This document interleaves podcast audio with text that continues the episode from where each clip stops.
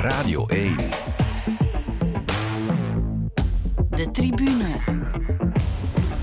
Met David Naert. Hallo, als afsluiter van het klassieke voorjaar gaan we dit uurtje van de tribune grotendeels besteden aan de koers met twee wielergasten. Dag Tom Steels. Goedenavond. Ploegleider bij Quickstep Alpha Vinyl. En dag Karel Bertelen. Dag David. Wielerverslaggever bij Sportza. Ja, uh, Tom, het klassieke voorjaar zit erop. Wil dat nu zeggen dat het rustig geblazen is voor jou? Uh, voor ons is het wel iets rustiger, maar nu komen we richting die andere grote wedstrijd, de Ronde van Frankrijk. En dat vraagt ook wel veel voorbereiding. Dus in feite zijn we daar nu al. Uh, beginnen we vanaf volgende week er volop mee bezig te zijn. Ja, welke koersen doe je eigenlijk in het voorjaar als ploegleider? In het voorjaar uh, begint feitelijk met alle stages vanaf december, uh, januari, februari. En dan de voorjaars, de, de, voorbereidingswedstrijden. En dan nog op Nieuwsblad, Kuurne, Parijs-Nice. En dan alle voorjaarsklassiekers. Ja, ja maar gisteren Tot Parijs-Roubaix. Ja, ja. Nee, nee. ja. Dus, maar ja, dat is relatief korte rust nog maar, want Roubaix is een dikke week geleden. Ja, ja, ja. Dat, is, uh, dat is een korte rustperiode, ja. Uh, waar amper van rust kan gesproken worden tegenwoordig, want uh, de programma's veranderen zoveel nu dat we, dat we bijna geen nou vast hebben. En dat moet ook allemaal ingepland worden. Uh, maar ja, het is, het, de wielerseizoenen gaan vlug. En als je het wielrennen zit, dan word je jaar per jaar vlug ouder, moet ik zeggen. Want de seizoenen gaan zo vlug voorbij, dat is niet te schatten. Maar je ja. ziet er toch nog goed uit, hoor. Uh, maar hoe komt dat, dat uh, die programma's soms zo vaak moeten worden aangepast? Ja, ik zou denken corona, maar dat lijkt nu iets minder te zijn in het peloton, toch? Ja, bij ons is het, is het inderdaad de voorbije periode je ging, je ging s'avonds gaan slapen voor een wedstrijd, maar je wist morgens niet wie dat er nog aan de start kon komen. Uh, dus dat, heeft enorm veel aanpassing gevraagd van, uh, van de ploeg, maar ook van de renners. Want het was niet alleen tussen de renners, het was ook met personeel soms. Um, en bij ons ook wel wat blessures. Um, ook wel renners die, die toch wel iets langer ziek geweest zijn dan normaal. Uh, en dat vraagt aanpassing. Het is niet alleen een renner terug gezond krijgen, maar dat is ook nog eens terug de opbouw. En dat vraagt soms ik bedoel, als de renner een week of tien dagen ziek bent, dan zijn die bijna een maand kwijt. En dan moeten andere renners beginnen in, in, inspringen. Maar die verdienen dan ook wel een rustperiode. Dus alles verschuift een beetje. En dat is, uh, dat is toch wel puzzelen om ook wel competitief te blijven. Je kan niet zeggen van, we laten de boel uh, eventjes varen. Dat gaat dus niet. Dus je moet altijd proberen van uh, je goede elementen altijd competitief te blijven, wat niet eenvoudig was.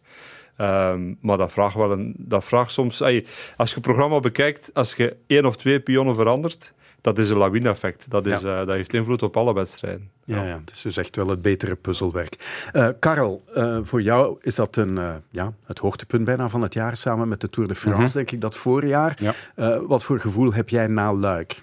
Ah, verdorie, het zit er alweer op. Ja, ja, maar dat is altijd. Uh, dat is ieder jaar. En, en als uh, de omloop uh, begint, is de eerste schooldag. Dat gevoel ook nog altijd. Um, ik heb dan meestal na de klassiekers een weekje recup. Enfin, het is nu anders begonnen vandaag met deze uitzending nog, maar graag gedaan. En um, ja, ik denk dat wij op een paar koersen na altijd mooi weer hebben gehad. En dat speelt toch ook, en ik denk voor de coureurs zeker, maar ook voor ons. Het zijn lange dagen, je vertrekt vroeg, of ja, je gaat op hotel ook en zo. En dan is het soms, ja, als het mooi weer is, dan passeert dat allemaal veel gemakkelijker. En is het ook veel toffer om erbij te zijn. Het is snel voorbij altijd. Hè. Dat, dat is ook die opeenvolging van ja. wedstrijden. Tom, dat, jij zult dat ook wel zo aanvoelen. Het is van hot naar her en dan is het plots gedaan. Ja, het zijn, het zijn ook wel altijd heel mooie wedstrijden. Ze zijn qua karakter uniek uh, in de periode van het wielerseizoen. En dat maakt denk ik voor ons, maar ook voor iedereen die moet verslag geven, het fantastische wedstrijden om mee te maken. Het, is niet,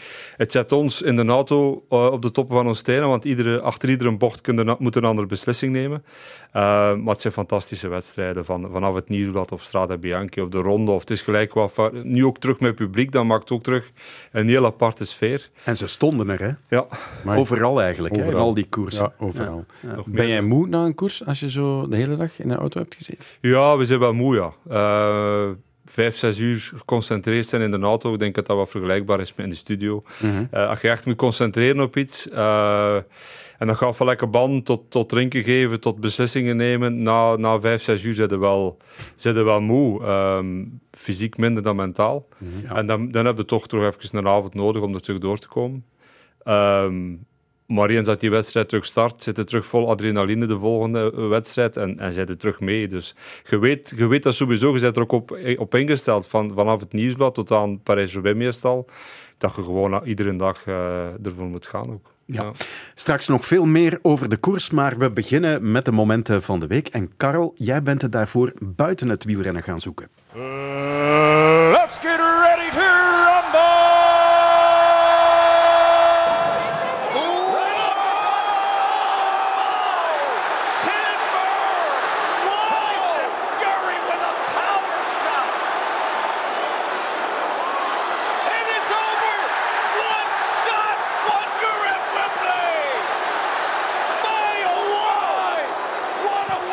like I've always said, boxing is not belly dancing, it's a contact sports fight. Dylan done his thing and he deserves his credit. You know, he got his shot, he made millions of dollars thanks to me. And um, I'm, I'm, I'm happy with my performance, and I hope he's happy with his performance because he didn't fight a world champion tonight. I ain't no world champion.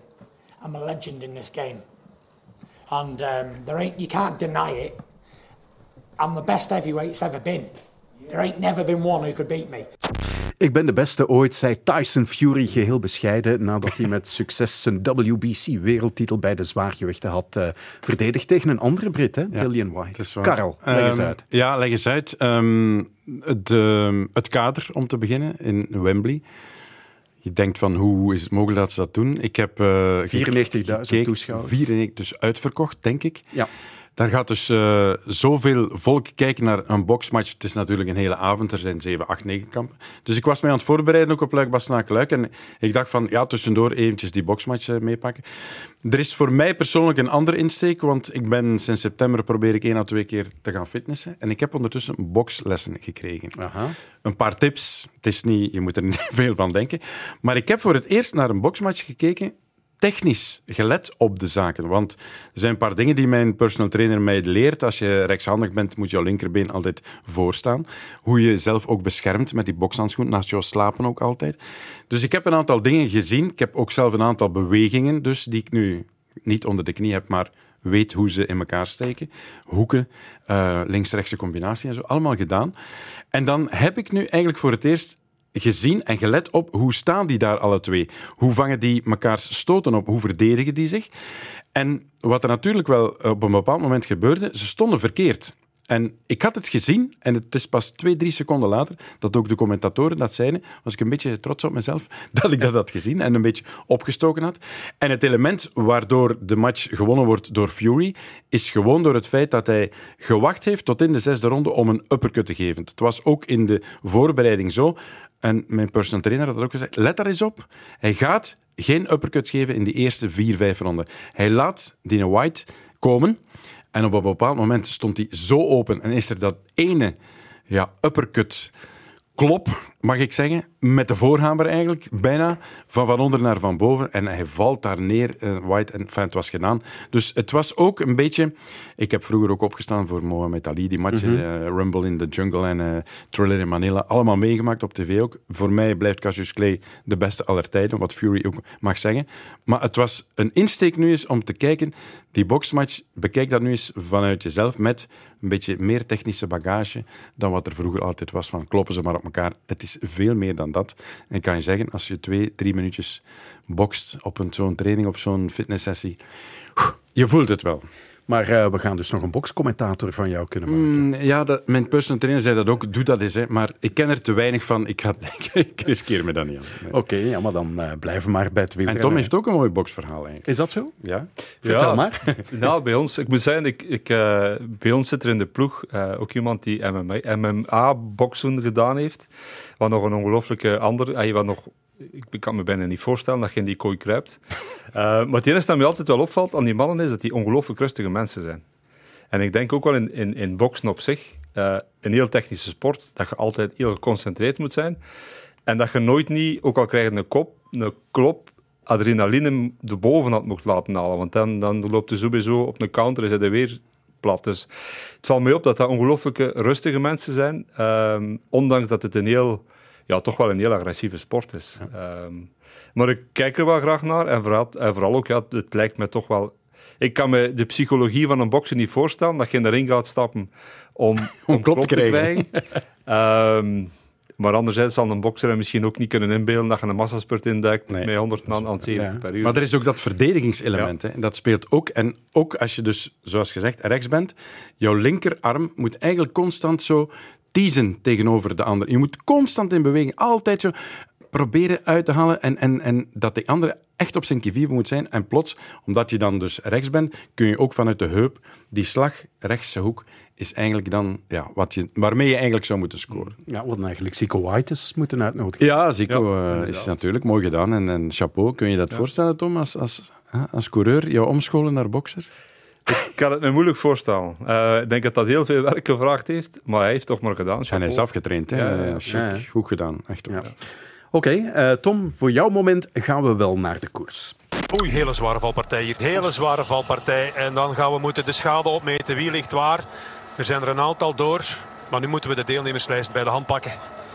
Ai, ai, ai. Hoe is dit gebeurd? Er liggen er daar rechts in de gracht, links in de gracht. Daar zitten er ook heel veel in de gracht. Vanuit dit beeld onmogelijk om er namen op te kleven. Maar we vrezen dat daar toch een aantal favorieten zijn achtergebleven. We zien er daar een stuk of drie staan van Movistar in het midden. Er ligt er nog eentje zwaar gehavend op de grond van Movistar.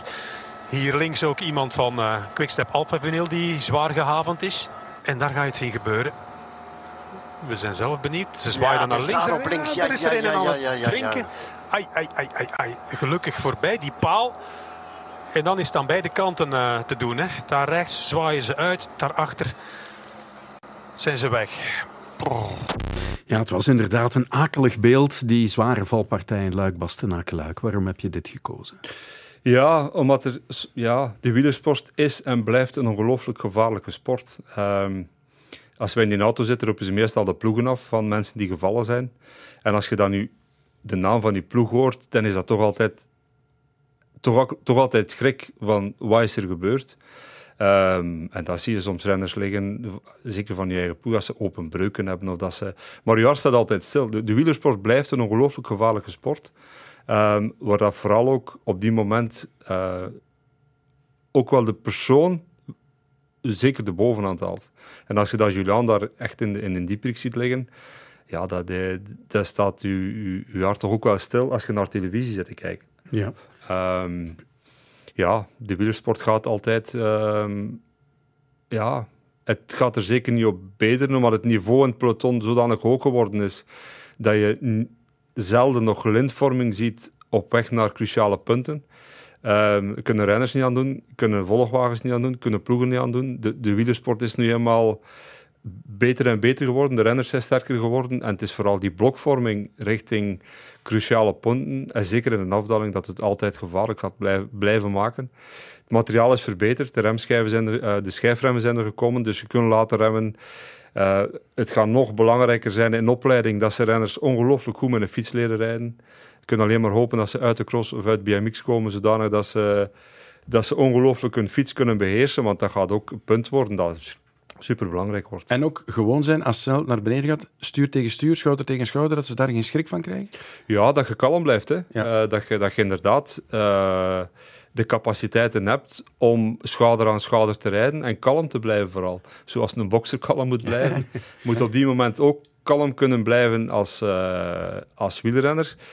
En de gevechten gaan alleen maar vroeger en vroeger beginnen, beginnen, vroeger en vroeger beginnen. Soms vraag je je af, waarom zit die renner al van voor op, op 30 kilometer voordat er een Ja, punt is?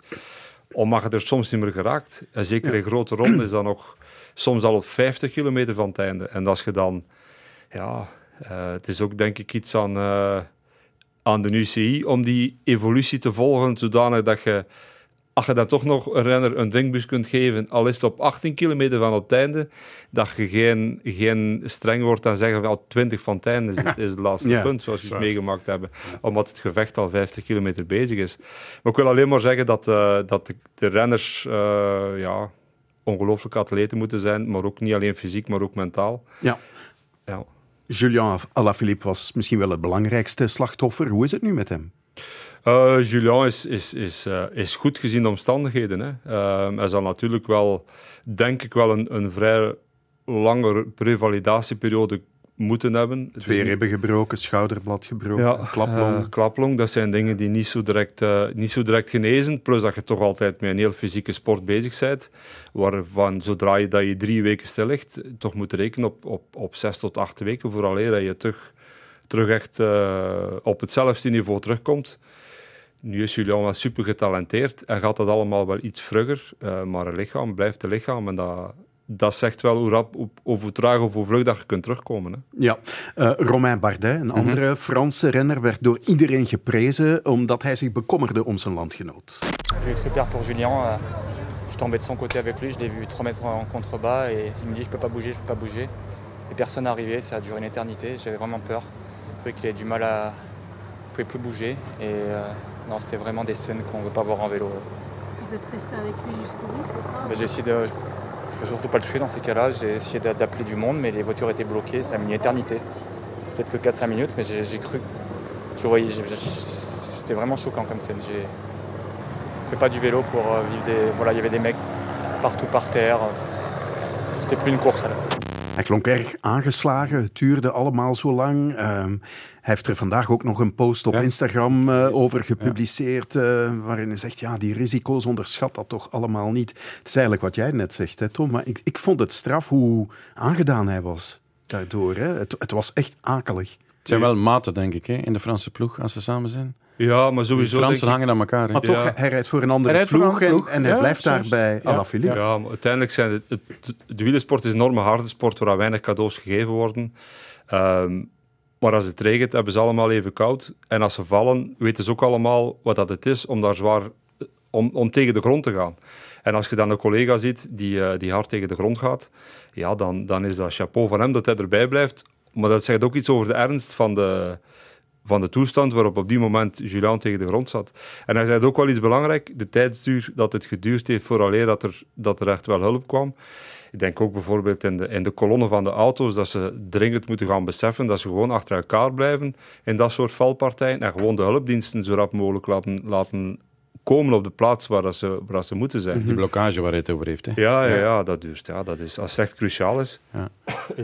pardon, is dat wel belangrijk dat de hulpdiensten daar zo vlug mogelijk bij zijn. Ja, uh, Thijs Sonneveld die pleitte voor de invoering van een safety car. Van zodra er een ja, wat grotere valpartij is, om even alles on hold te zetten en vooral de, de renners die oké okay zijn, op een veilige, makkelijker manier ook weer aansluiting te laten vinden met het peloton. Is dat een idee? Ja, er, zijn, gaan voor- en tegenstanders zijn, maar als je valpartij zoals gisteren ziet, dan moet het toch eventjes, denk ik wel, um, een neutrale zone kunnen inbouwen. Omdat je begot niet weet wat er allemaal aan de hand is. Um, en dat gisteren al moet weten dat iedereen wel vrij oké is. Um, er zijn momenten, denk ik, in, in, in de sport algemeen, maar ook in het wielrennen, als er echt iemand super zwaar gekwetst is uh, en ligt, uh, ja, laat ons, laat ons het cru stellen, tussen, tussen leven en dood gaat, dan is de sport van ondergeschikt belang. Hè. Mm -hmm. Maar het is een hele moeilijke grens, dat is wel waar. Ik bedoel, als je dat tegenkomt in een grote ronde, waar je al drie, twee weken en een half aan het knokken bent voor klassement, ja, het, het is een heel moeilijke, ja. heel moeilijke discussie, maar laat ons zeggen dat dat in de eerste 50 kilometer van de wedstrijd gebeurt, dan moeten we de boel terug stilleggen. Dan moet iedereen terug de kans geven om terug te laten komen. Is dat in een diepe finale? Ja, het is ja. een moeilijk, een moeilijk evenwicht. Moeilijk, de ja. Tour wacht op niemand, is zo'n ja, slogan. het is een moeilijk evenwicht. ja. Mag ik nog één ding vragen? Hoe is het met Ilan van Wilder? Want dat was die renner van Quickstep die, die we konden zien. Uh, want Julian lag in de gracht inderdaad. Hoe is het met Ilan? Ja, Ilan is vrij goed. Hij, uh, hij is geopereerd nu uh, als een kaak. maar dat zal terug een, een proces zijn dat ook moet genezen. Hè. Een kaakbeenbreuk, dat is niet zo, niet zo evident. Nee, nee. Je moet kunnen eten nee, als, ja, ja. als wielrenner. En dat zal de eerste weken wel iets moeilijker zijn, denk ik. Ja. Hoe is het met hem in de ploeg ook? Want het is ja, de leeftijdsgenoot van Remco natuurlijk. Super, denk ik. Ja. Ik denk dat dat iemand is die, die absoluut een meerwaarde is voor de ploeg. Uh, en hopelijk kan hij via ons terug, terug zijn talent tonen uh, wat dat hij kan, wat dat hij dit jaar ook wel al een paar keer getoond heeft. En het is denk ik heel mooi om zo'n renner terug, terug de kans te bieden in een carrière om, om door te groeien en om, om, om, om te tonen wat hij echt waard is. Okay. De tribune.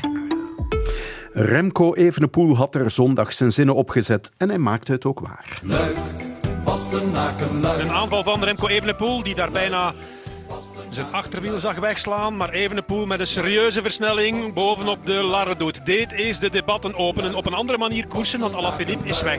En hij is alleen, hè? Een toertocht op criterium is aardig, maar ze missen het unieke van een klassieker. Oh, stel u voor dat hij dat nummer afwerkt. Ga niet te voet naar huis, dan niet. Ik ga toch een diepe buiging maken dan. Hier komt een demarrage van Michael Woods en Vlaasov die neemt over. Nu zou dat, uh, normaal gezien, zouden dat moeten terug kunnen zien in het uh, verschil. Bastenaken, Luik. 22 seconden nog. En hier is de aanval van Dylan Teuns. Dylan Teuns van achter de rug van Vlaasov. En Danny Martinez heeft dat gezien. En Hirschi kan net niet mee. En de Belgische kampioen Wout van Aert die hangt aan de rekker. Die hangt aan de rekker. 16 seconden wordt nu gemeld. Zou dat kunnen? Ik hoor aan je ademhaling en de zucht in je stem dat je, dat je nerveus wordt. En we gunnen het hem allemaal natuurlijk. Hè. Hoogmoed komt hier voor de val, want Laren doet die wacht al. Je moet lopen. Het zwaar bekopen, dus waarom altijd De finishcamera. Remco Evenepoel wint Luik Bastenaken Luik 2022. Putain, putain, c'est vachement bien. Geweldige prestatie. Dat mag je wel zeggen. Dat mag je wel zeggen. Bastenaken, Luik. Ach ja, waar doe je het voor? Luik, Bastenaken, Luik. Uh, Tom, weet je wie de zanger was? ik, dacht, ik wist dat je dat ging vragen. weet je dat nog eens het uurrecord proberen aanvallen? Ja, juist. Koen was dat. Koen ja, de Koker. Ja, ja, heel, perfect. heel goed. Maar uh, ja, het gaat hier niet over Koen de Koker, nee. maar natuurlijk wel over Remco Evenepoel. Uh, je hebt het thuis bekeken, Tom. Ja. ja, hoe kijk je hier een dag later naar, naar die prestatie, die overwinning van Evenepoel? Ja, dat is fenomenaal, denk ik. Hè. Ik denk dat er weinig, weinig andere woorden voor zijn. Als je ziet wat voor kwaliteit dat er uh, achter hem aan het rijden was. Het feit dat hij niet meer dan bijna 35 seconden gekregen heeft, maar ook de organisatie achteraan. Het is niet dat hij 35 seconden gekregen heeft. Ze waren direct georganiseerd en ze hebben er toch renners laten achterrijden die toch wel stuk voor stuk echt met een fiets kunnen rijden. En hij, en hij hield stand. Um, ja, chapeau. Ik denk dat dat... Uh, vooral het meest verrassende of het meest indrukwekkende vond ik zijn demarrage zelf om de top van de wereld op dat parcours gewoon los uit het wiel te rijden. Um, en dan gewoon stand te houden voor zoveel kilometer, ja, chapeau. Mm -hmm. Hij was gaan trainen de week ervoor. Zou hij dat parcours van waar hij vertrokken is helemaal van buiten kennen? Ja, dat... sommige renners hebben wel een, uh, een goed geheugen voor een parcours. Maar denk Zijn tijdrijderstijl gaf zo'n beetje de indruk van hij weet waar hij naartoe aan het rijden Ja, dat denk ik wel, ja. Mm -hmm. Dus vooral daar rond punt bijvoorbeeld, waar ja. hij oversprong, waar dat dan... Uh, ja, hij kende het parcours wel. Uh, bepaalde bochten dat hij nam, dat ik denk van, pff, dat was echt op de limiet. Ja. Dus hij kende het parcours wel, ja. Wat mij opviel was, uh, twee dagen denk ik voor de koers had hij het voortdurend over de wind. De wind, de wind. De wind heeft ook een rol gespeeld. Mm -hmm. hè? De plek waar hij aangaat, geniet hij dan een stuk van 800 meter volle bak rugwind, want de wind was ook een tegenstander op bepaalde plaatsen ja. in het parcours. Dus. Ik denk dat waarschijnlijk zat de wind niet ideaal om dat soort avonturen aan te gaan. Uh, dus als ik dacht in die finale zat hij meer tegen dan, dan mee. Uh, dat, is, dat is niet de wind dat je wilt dat je, dat je voorop rijdt. Maar ik denk dat hij daar ook wel zijn, uh, ja, zijn ongelooflijke positie op de fiets kunnen uitspelen heeft. In vergelijking met de concurrentie. Maar blijft gelijk, mee of tegenwind. Ik denk dat hij vooral een, een ongelooflijk nummer heeft opgezet uh, om dat te kunnen afwerken. We gaan nog eens luisteren naar zijn reactie meteen na de overwinning. Het is ongelooflijk. Ik uh, denk dat ik dit jaar, uh, vandaag mijn, mijn, beste dag van het jaar, misschien wel mijn carrière al had. En wat een dag om, om die te hebben. Dat is echt ideaal. En, oh, het is echt geweldig. Na, na een hele moeilijke periode van anderhalf jaar sinds de val heb ik echt het gevoel dat ik nu terug op, uh, op mijn topniveau ben en dat ik me echt kan, uh, kan mengen met de beste van, van de wereld. En uh, om hier alleen toe te komen, wat dat heel moeilijk is, is echt, is echt geweldig. En ja, wow, mooie dag. Het is echt ongelooflijk. Maar je moest wel alleen toekomen, hè? Ja, ja, dat blijft nog een elementje, denk ik. We hebben het er daarnet even over gehad, over sprinttrainingen, waar hij ook al mee bezig is, zoals hij zelf zei. Maar um, dat alleen rijden, de tijdrijder die er is, het gewoon zijn van ook bij de junioren altijd alleen aan te komen. Denk je dat dit de manier is waarop hij altijd die koersen gaat winnen? Kan Remco eigenlijk wachten om een sprint te rijden voor de zege? Ja, dat denk ik wel, ja. Uh, dat is natuurlijk nooit niet uw favoriete manier om een wedstrijd te winnen. Maar ik denk ook niet dat hij er altijd schrik van moet hebben. Het is niet dat iedereen een sprinter is. Uh, je natuurlijk met ja, met wat van Aert naar de aankomst moet, ja, dan, dan, dan wordt het moeilijk. Um, maar ja, het is natuurlijk wel... Het, zijn sterkste punt is sowieso van zodra hij alleen komt, dat hij niet moet, bij wijze van spreken, niet moet kijken op 10 kilometer. En hij, hij zet daar tegenover ook een ongelooflijk sterk karakter om te kunnen blijven gaan. Het is niet alleen, hij is niet alleen heel getalenteerd, maar hij koppelt dat ook nog eens aan een ongelooflijk sterk karakter om dat soort dingen aan te durven. Uh, niet iedereen durft dat ook. Hè. Mhm. Uh, dat is meestal een half of niks verhaal. Maar hij heeft wel de, het talent en de durf om dat aan te, aan te 22 jaar, hè, Tom? Ja, absoluut. Ja, ja, nee, nee. Je mag het misschien niet luid meer zeggen, maar... Hij blijft nog. Hij blijft nog een Ja, jonge, hij is een jonge nog gast. in ontwikkeling, hè. Ja, voilà. Ja. Maar er zit nog rek op, hè? Ja, Maar toch al zijn vierde seizoen, hè? Ja, dat is waar. Het gaat snel, hè? Ja, maar het gaat snel, maar inderdaad. Maar, eh, Maar Is, is het ook niet dat hij soms ja, relatief vroeg aangaat en dat de tegenstand denkt van hmm, dat is nog te vroeg, die pakken we nog wel? Dat, in het geval van Remco is dat, is dat niet zo. Nee. Eh, dat is gewoon, als hem gaat, gaan ze mee. Eh, als de top van de wereld gaat, dan, dan zijn er geen, geen excuses. Al gaan ze op, op 100 kilometer van de aankomst. Als Mathieu van der Poel gaat in de klassiekers, moet ook niet twijfelen, al is het van in de start. Eh, als die renners gaan, zijn, moeten gewoon mee zijn. Eh, k- Meestal is dat ook nog eens in uw voordeel. Maar ze hebben geprobeerd, maar het, lukte niet dus. Ja. Ja. Ehm, zijn cijfers waren indrukwekkend. Hè? Ehm, Jonas Creteur, onze collega Mhm, bij Sportvoetbalmagazine, lijst die altijd redelijk snel op. Eh, de langste solo sinds Bernard Hinault in die wintereditie in 1980. Juist. Eh, de gemiddelde snelheid in die solo van net geen 30 kilometer, 47,7 kilometer per uur. Stukken naar beneden, hè? Ja, ja, wel, maar, ja, in de toch? finale. Ja. maar ook de hele wedstrijd eh, is nooit sneller gereden. Hè? Gemiddelde Alweer snelheid 41,397. Parijs-Roubaix ook al, de snelste. Ja. Straffe kost. Het is wat je zegt, hè. De, de, je, je kunt niet meer je inrijden, hè. Je Nee, moet 100% nee, nee, nee. zijn, hè. Dat zegt iets over het niveau van het Ja. wielrennen. Natuurlijk, sommige cijfers zijn ook wel weersgebonden, en Mhm. tac- tactisch gebonden, maar het is wel een feit dat eh, de wedstrijden worden er zeker niet trager op. De atleten worden sterker, het materiaal wordt beter.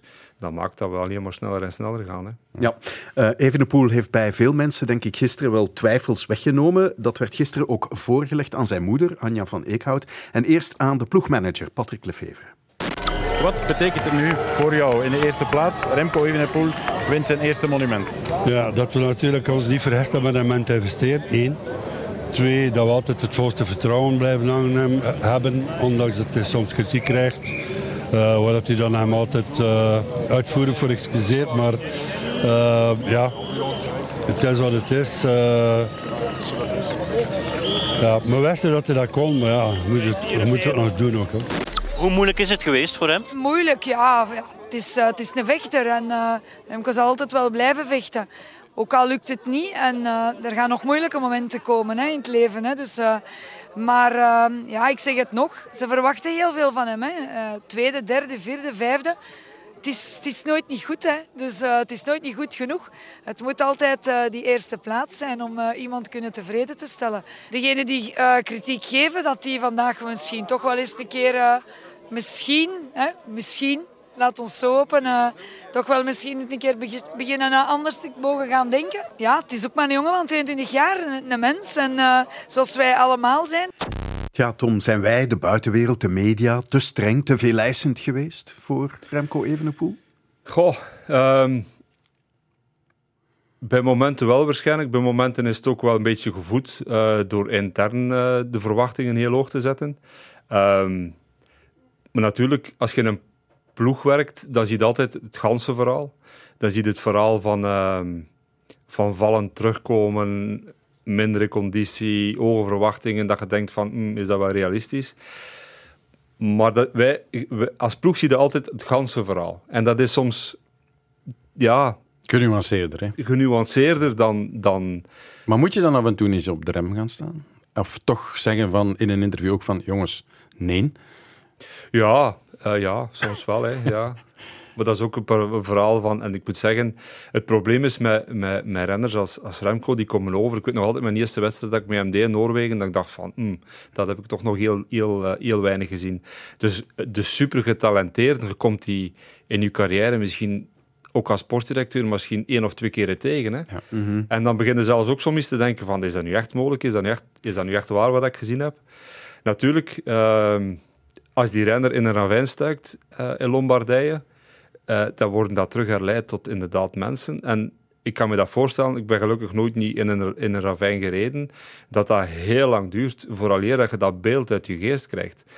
Uh, zijn revalidatie heeft, heeft, heeft, heeft veel tijd gevraagd en hij heeft daar inderdaad een stilstand gehad in zijn, in zijn ontwikkeling, denk ik wel van minimum een jaar. Ja, uh, hij was ook heel openhartig over hoe moeilijk het geweest is. Uh, hoe hebben jullie dat in de ploeg aangepakt? Ja, hij heeft wel de begeleiding gekregen, hij heeft een tijd gekregen. Um, maar dat is een verhaal. Ja, wielrennen is nog altijd geen, geen exacte wetenschap. Hè. Dat is nog altijd een stuk voelen, nog altijd een stuk trial and error van gaat het of gaat het niet. Soms passeert het, soms passeert het niet. Um, maar de kunst is natuurlijk van, van iedereen maar ook van een renner op zich. De renner zelf voelt van, hmm, hier ben ik toch wel ver met mijn, met mijn, uh, met mijn bol tegen de muur gelopen. Uh, de volgende keer moet ik dat toch anders gaan aanpakken. Maar dat komt er bij iedere renner tegen. Alleen is dat natuurlijk bij Remco dat, dat die tijd, of die, vooral die, ja, de belangstelling is er, maar dat gaat er, dat gaat er gans zijn carrière zijn. En het is vooral dat leren aanvaarden dat dat er is. En soms inderdaad lijkt een bokser gewoon de kalmte bewaren en Mhm. nooit je geloof in jezelf niet, niet verliezen. Hij wilde ook graag, hè? Hij Ja. wilde ook graag. En hij is, hij is natuurlijk ook wel hij is een ongelooflijke competitiebeest. Hè. Hij, hij houdt zo hard van competitie. En in die wedstrijden zie je ook dat dat, ja, dat, dat borrelt altijd in wedstrijden. Hè. En dat is een sterkte. En je moet dat ook niet altijd... Je moet dat natuurlijk wel een stuk aflijnen. Ehm, maar soms moet ook dat beest ervoor loslaten. Hè. En Ja, dan ja. zien we dat er gebeurt. Hè. En dat is... Ik noem je beest, want het is, ik moet eerlijk zeggen, het is een fantastische kerel om mee te werken. Want het is, het is een hele lieve, toffe gast voor in de ploeg te hebben. En hij heeft ook naar geleerd dat hem binnen de ploeg ook iets relaxter mag zijn. Dat, ze hem, dat hij binnen de ploeg niet, niet degene moet zijn die altijd het eerste woord moet voeren. Maar dat hij gerust ook in een hoekje stil kan zitten. Eh, er mag hem echt zijn wie dat hem is. En dat leert hem ook wel. Maar dat is ook het mooie aan hem. Ja, eh, wat ik eh, opvallend vind is, met wat er gebeurd is in Lombardije, de val eh, in het ravijn, eh, dat hij dat dalen wel aangepakt heeft. Eh, hij valt aan ook in het dalen nu, hè? Is daar specifiek mee gewerkt? Goh, ik denk dat hij dat... Dat zat er al... Ja, moet rekenen dat hij, hij komt inderdaad van een hele korte carrière die, die exponentieel in één keer naar boven gezwiept is, waar je dan in één keer tegen de beste van de wereld moet koersen. Maar het is ook eigen aan die mannen die, dat die ook wel vlug, vlug leren. Ik moet zeggen, eh, in de lead-outs bijvoorbeeld heeft hij me enorm veel geleerd. Begin van het seizoen, van Morkov, van een Yves Lampaard, van, van oké, hoe pakte dat hier aan? Geduldig en wacht. En, en er heeft hem wel, ook wel veel uit geleerd, moet ik zeggen. En als je hem nu ziet bewegen in het peloton, dat geeft hem ook wel vertrouwen. En zijn afdalingen zijn inderdaad wel, eh, wel, wel veel verbeterd ook. Maar als je hem dan ziet rijden op een tijdritfiets, dan, dan sluit ook af en toe je ogen. Maar hij kan, ja, hij kan wel goed met een fiets rijden. En hij heeft wel veel bijgeleerd, dat moet ik ook wel zeggen. Ja. Doet hij graag mee zo op die sprinttrainingetjes en zo? Dat zetten zich... Is, is, eh, zelf eens een lead-out doen en zo? Ja, maar als je dat ziet in de wedstrijd, hoe dat hij dat doet, maar ook, ook die, ja, het, het spelen op Ja. training, hij, hij mengt hem er altijd wel Ja, mee. Hè. ja. Andere jaren was hij meestal al alleen weg, dus nu, nu blijft hij wel meer in de groep. Wat voor renner is hij nu? Ehm, moet hij toch meer naar die eendagskoersen gaan kijken? Of blijft dat toch een ronde renner? Karel, wat denk je? Ik heb vanmorgen ook op Radio 2 gezegd, voor mij is het een wereldcoureur geworden. Enfin, het zat er al aan te komen. Als je dit kunt doen, oké, in een eendagskoers, die hem natuurlijk heel goed ligt. We gaan dat in Lombardije zeker ook nog zien. Hij gaat Lombardije ook nog winnen, kan niet anders. Maar dan vind ik dat hij via die kleine rittenkoersjes, waar er altijd en meestal een tijdrit in zit, zijn ding kan doen en voor het klassement moet gaan. En dan via die opbouw, ja, nu moeten we een beetje afwachten, maar waarom in de Vuelta moet hij met open vizier toch er alles proberen uit te halen. En ik weet, als we dat zeggen, dan denken we aan een klassement natuurlijk bij, bij Remco.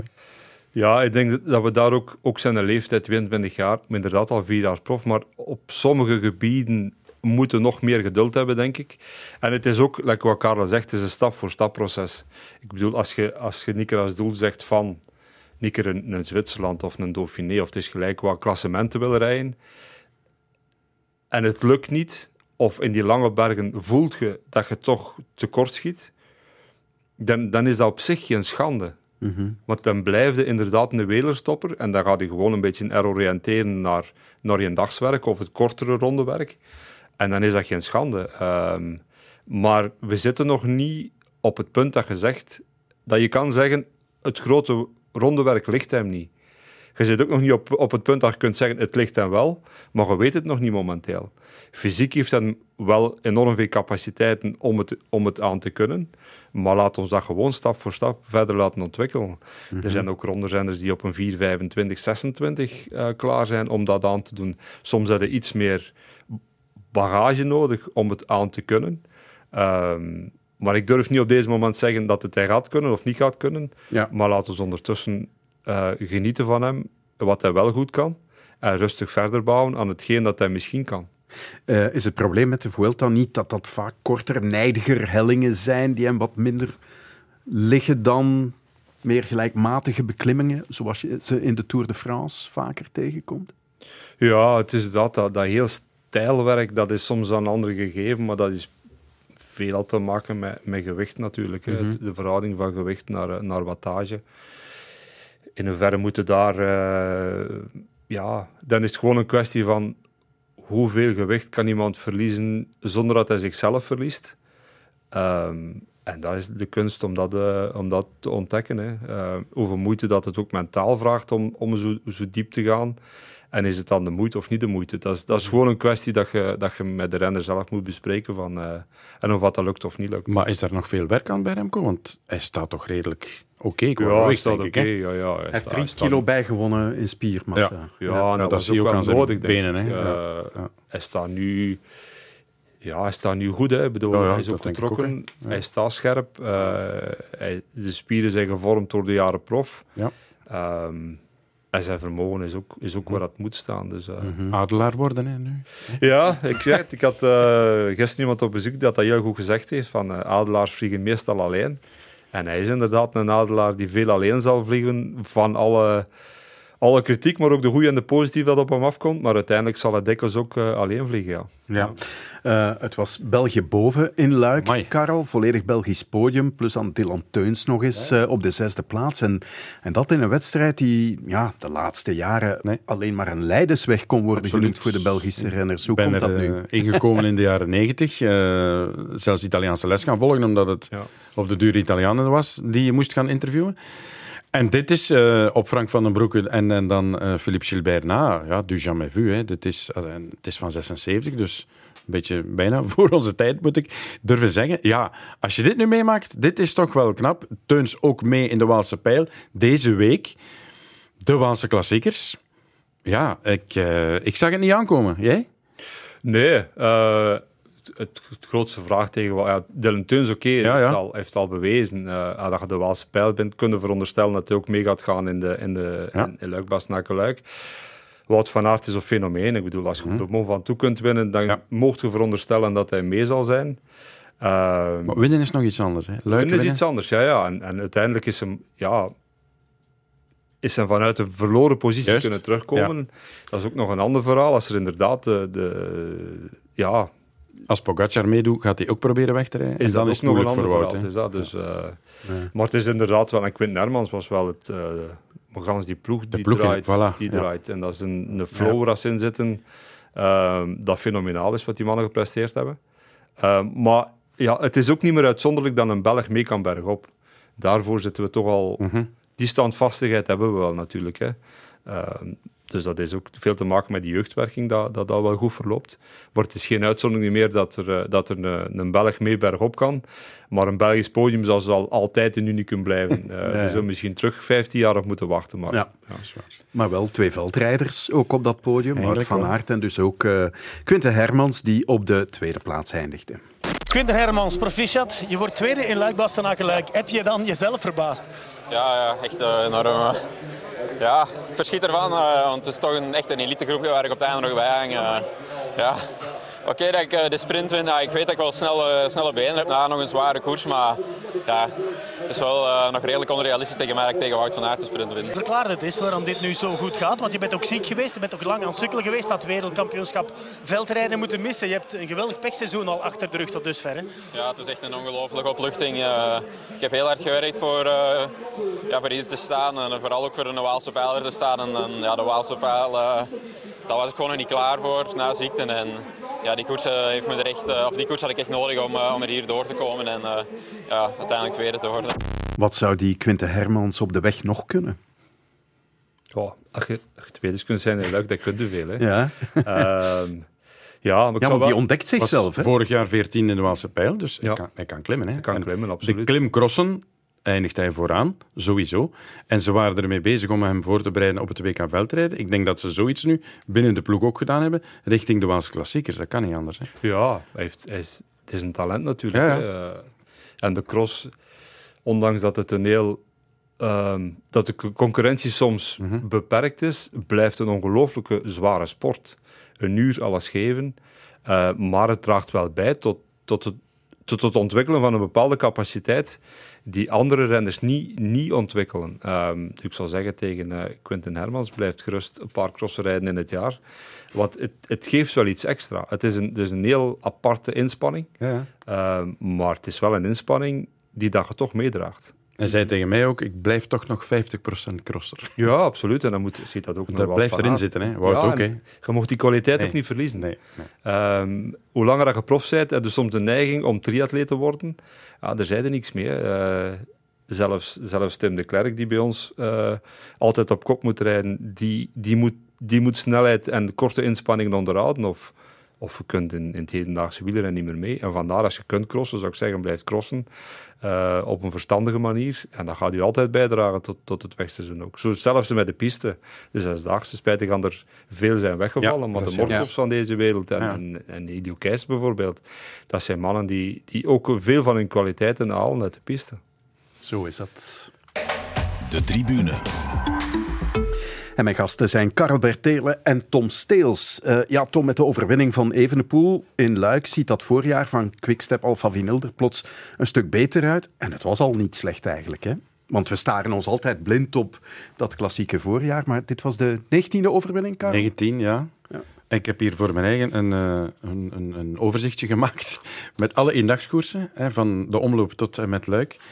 En ik heb uiteindelijk dan de eindstand ook opgemaakt, hè, punten gegeven volgens de categorieën van de koersen. Wout van Aert wint, voor Mathieu van der Poel, Dylan van Baarle, Stefan Kung, Tim Merlier en Christophe Laporte. Staat niemand van jullie bij, hè? Nee, nee, nee. Van die koersen, de drie gewonnen, hè, Tom? Ja, maar dan, dan kom ik Ik wil terug... het mes niet nog er Nee, nee, nee, nee. Maar dan kom ik terug tot het verhaal van dat wij het ganse verhaal zien. Ehm, en ik moet zeggen, we hebben ongelooflijk veel... We hebben gewoon zorg moeten dragen voor ons renners. Ehm, we hebben geen enkele renner die...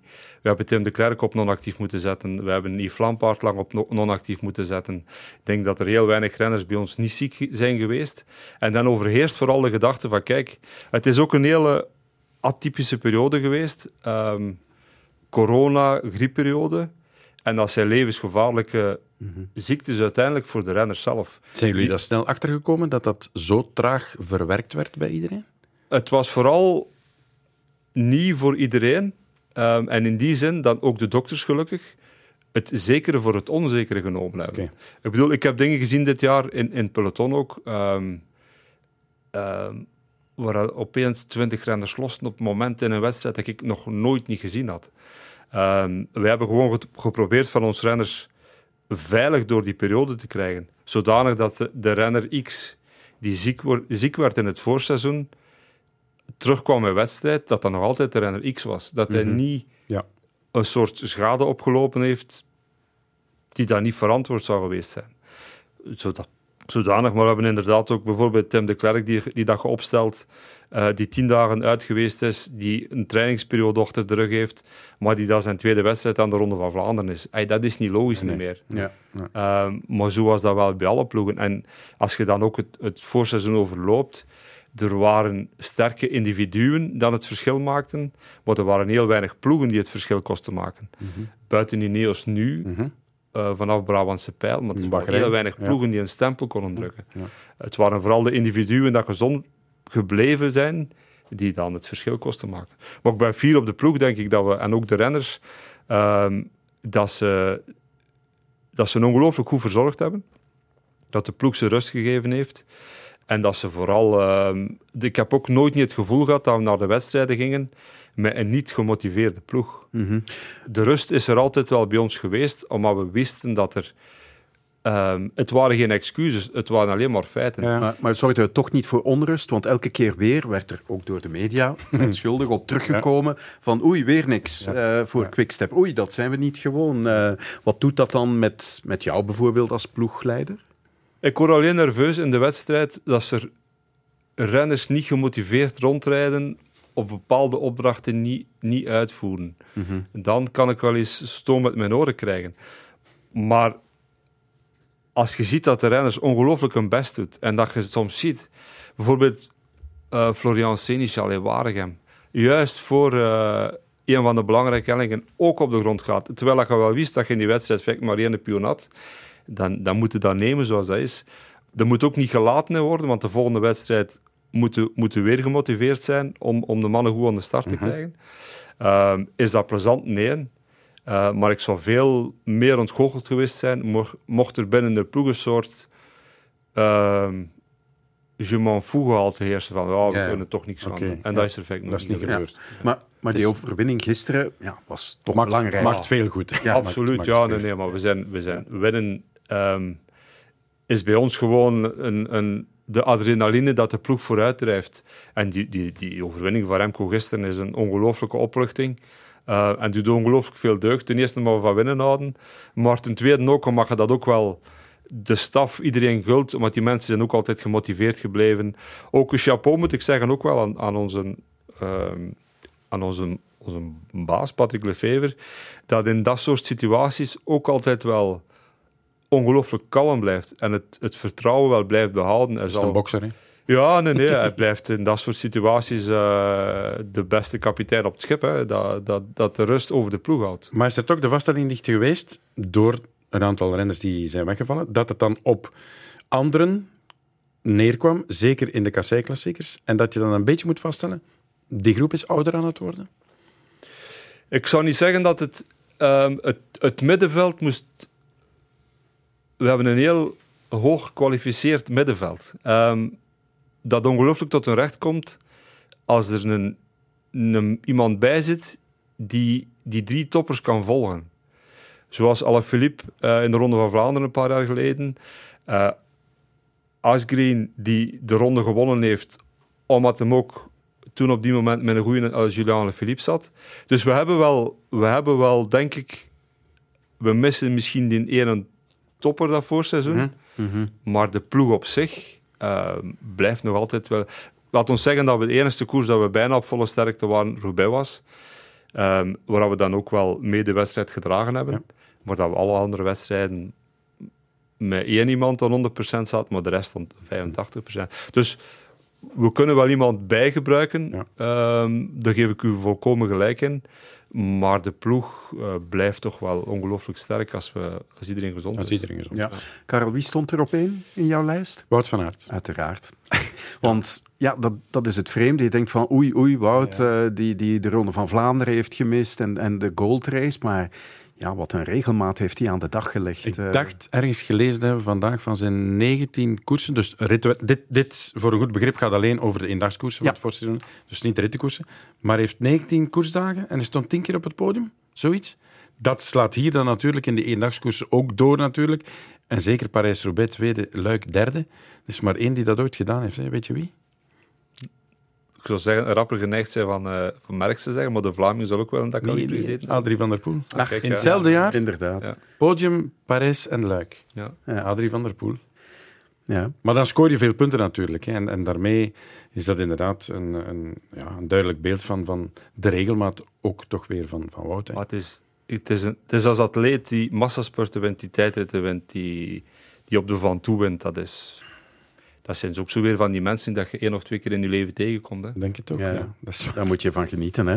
Eh, voor Philippe Gilbert zit zijn carrière er bijna op. Ja, het is wat pijnlijk, hè, zijn afscheidstoer. Ik vond het nu op Larre doet ook toch pijnlijk als daar 700 keer jouw naam staat en je moet afhaken.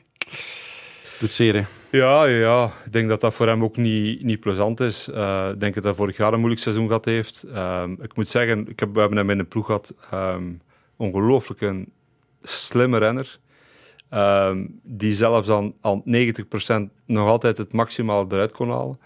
Ehm enorm veel van geleerd. Ehm, maar ik denk dat nu, ook met de capaciteit dat hij heeft, als, als, eh, of, ook naast de fiets, ik denk dat hij anders zijn volgende carrière moet beginnen. En dat dat even, zeker even goed gaat zijn als zijn carrière als renner ook. Maar het moet stoppen in Parijs-Roubaix. Allee, Ja. je zegt dat nu natuurlijk, maar... Het is niet, denk ik, aan, aan mij. Of, ja, wanneer moet de renner stoppen? Een renner moet stoppen dat hij er zelf klaar voor is. Ehm, mm, En er waren mensen die hem nog in hem geloofden en die hem een mooi contract gaven. Ja, Dan nee, zeg nee, je ja, geen nee. Ja, ja, maar het is, ik zei het, is, het is wat hij ooit gepresteerd heeft als renner, dat gaan we vooral onthouden Mhm. dat hij stopt. Ehm, en het is vooral aan, aan hem om te beslissen, denk ik. Het is genoeg geweest. En dan, eh, maar het Ja. is, ja. Zou hij in jouw ploeg nog iets doen als niet langer renner dan, maar... Oh, ik weet het niet. Dat is aan, eh, aan Patrick daar om daar mee over te beslissen. ook, Ja. Zeg maar dat voorjaar nu, eh, en ik vind eigenlijk de laatste jaren al, eh, er zijn heel weinig saaie koersen nog. Hè. Het is Er wordt bijna- attractiever dan ooit om Bijna niet meer gewandeld, hè? Nee, dat is. Gisteren ook, hè? vijf minuutjes. Meer krijgen ze niet meer, hè? De, de, de ontsnapping van de dag. Nee. Dat is eh, 12, 14, wat in de Amstel Gold Race vroeger was. Dat is, dat is weg, dat bestaat Ah, nee, niet meer. nee, nee. Als je nu een kopgroep, eh, een goede kopgroep, eh, zeven of acht minuten geeft, dan, eh, dan zie je ze terug eh, de laatste tien kilometer. Of zie je ze niet terug. En het vraagt ook enorm veel arbeid om die renners terug te halen. Het is niet voor niks dat soms ook Tim de Klerk nerveus wordt, omdat dat, denk ik, hij hij ongelooflijk veel ervaring heeft hoe een kopgroep onder controle te houden.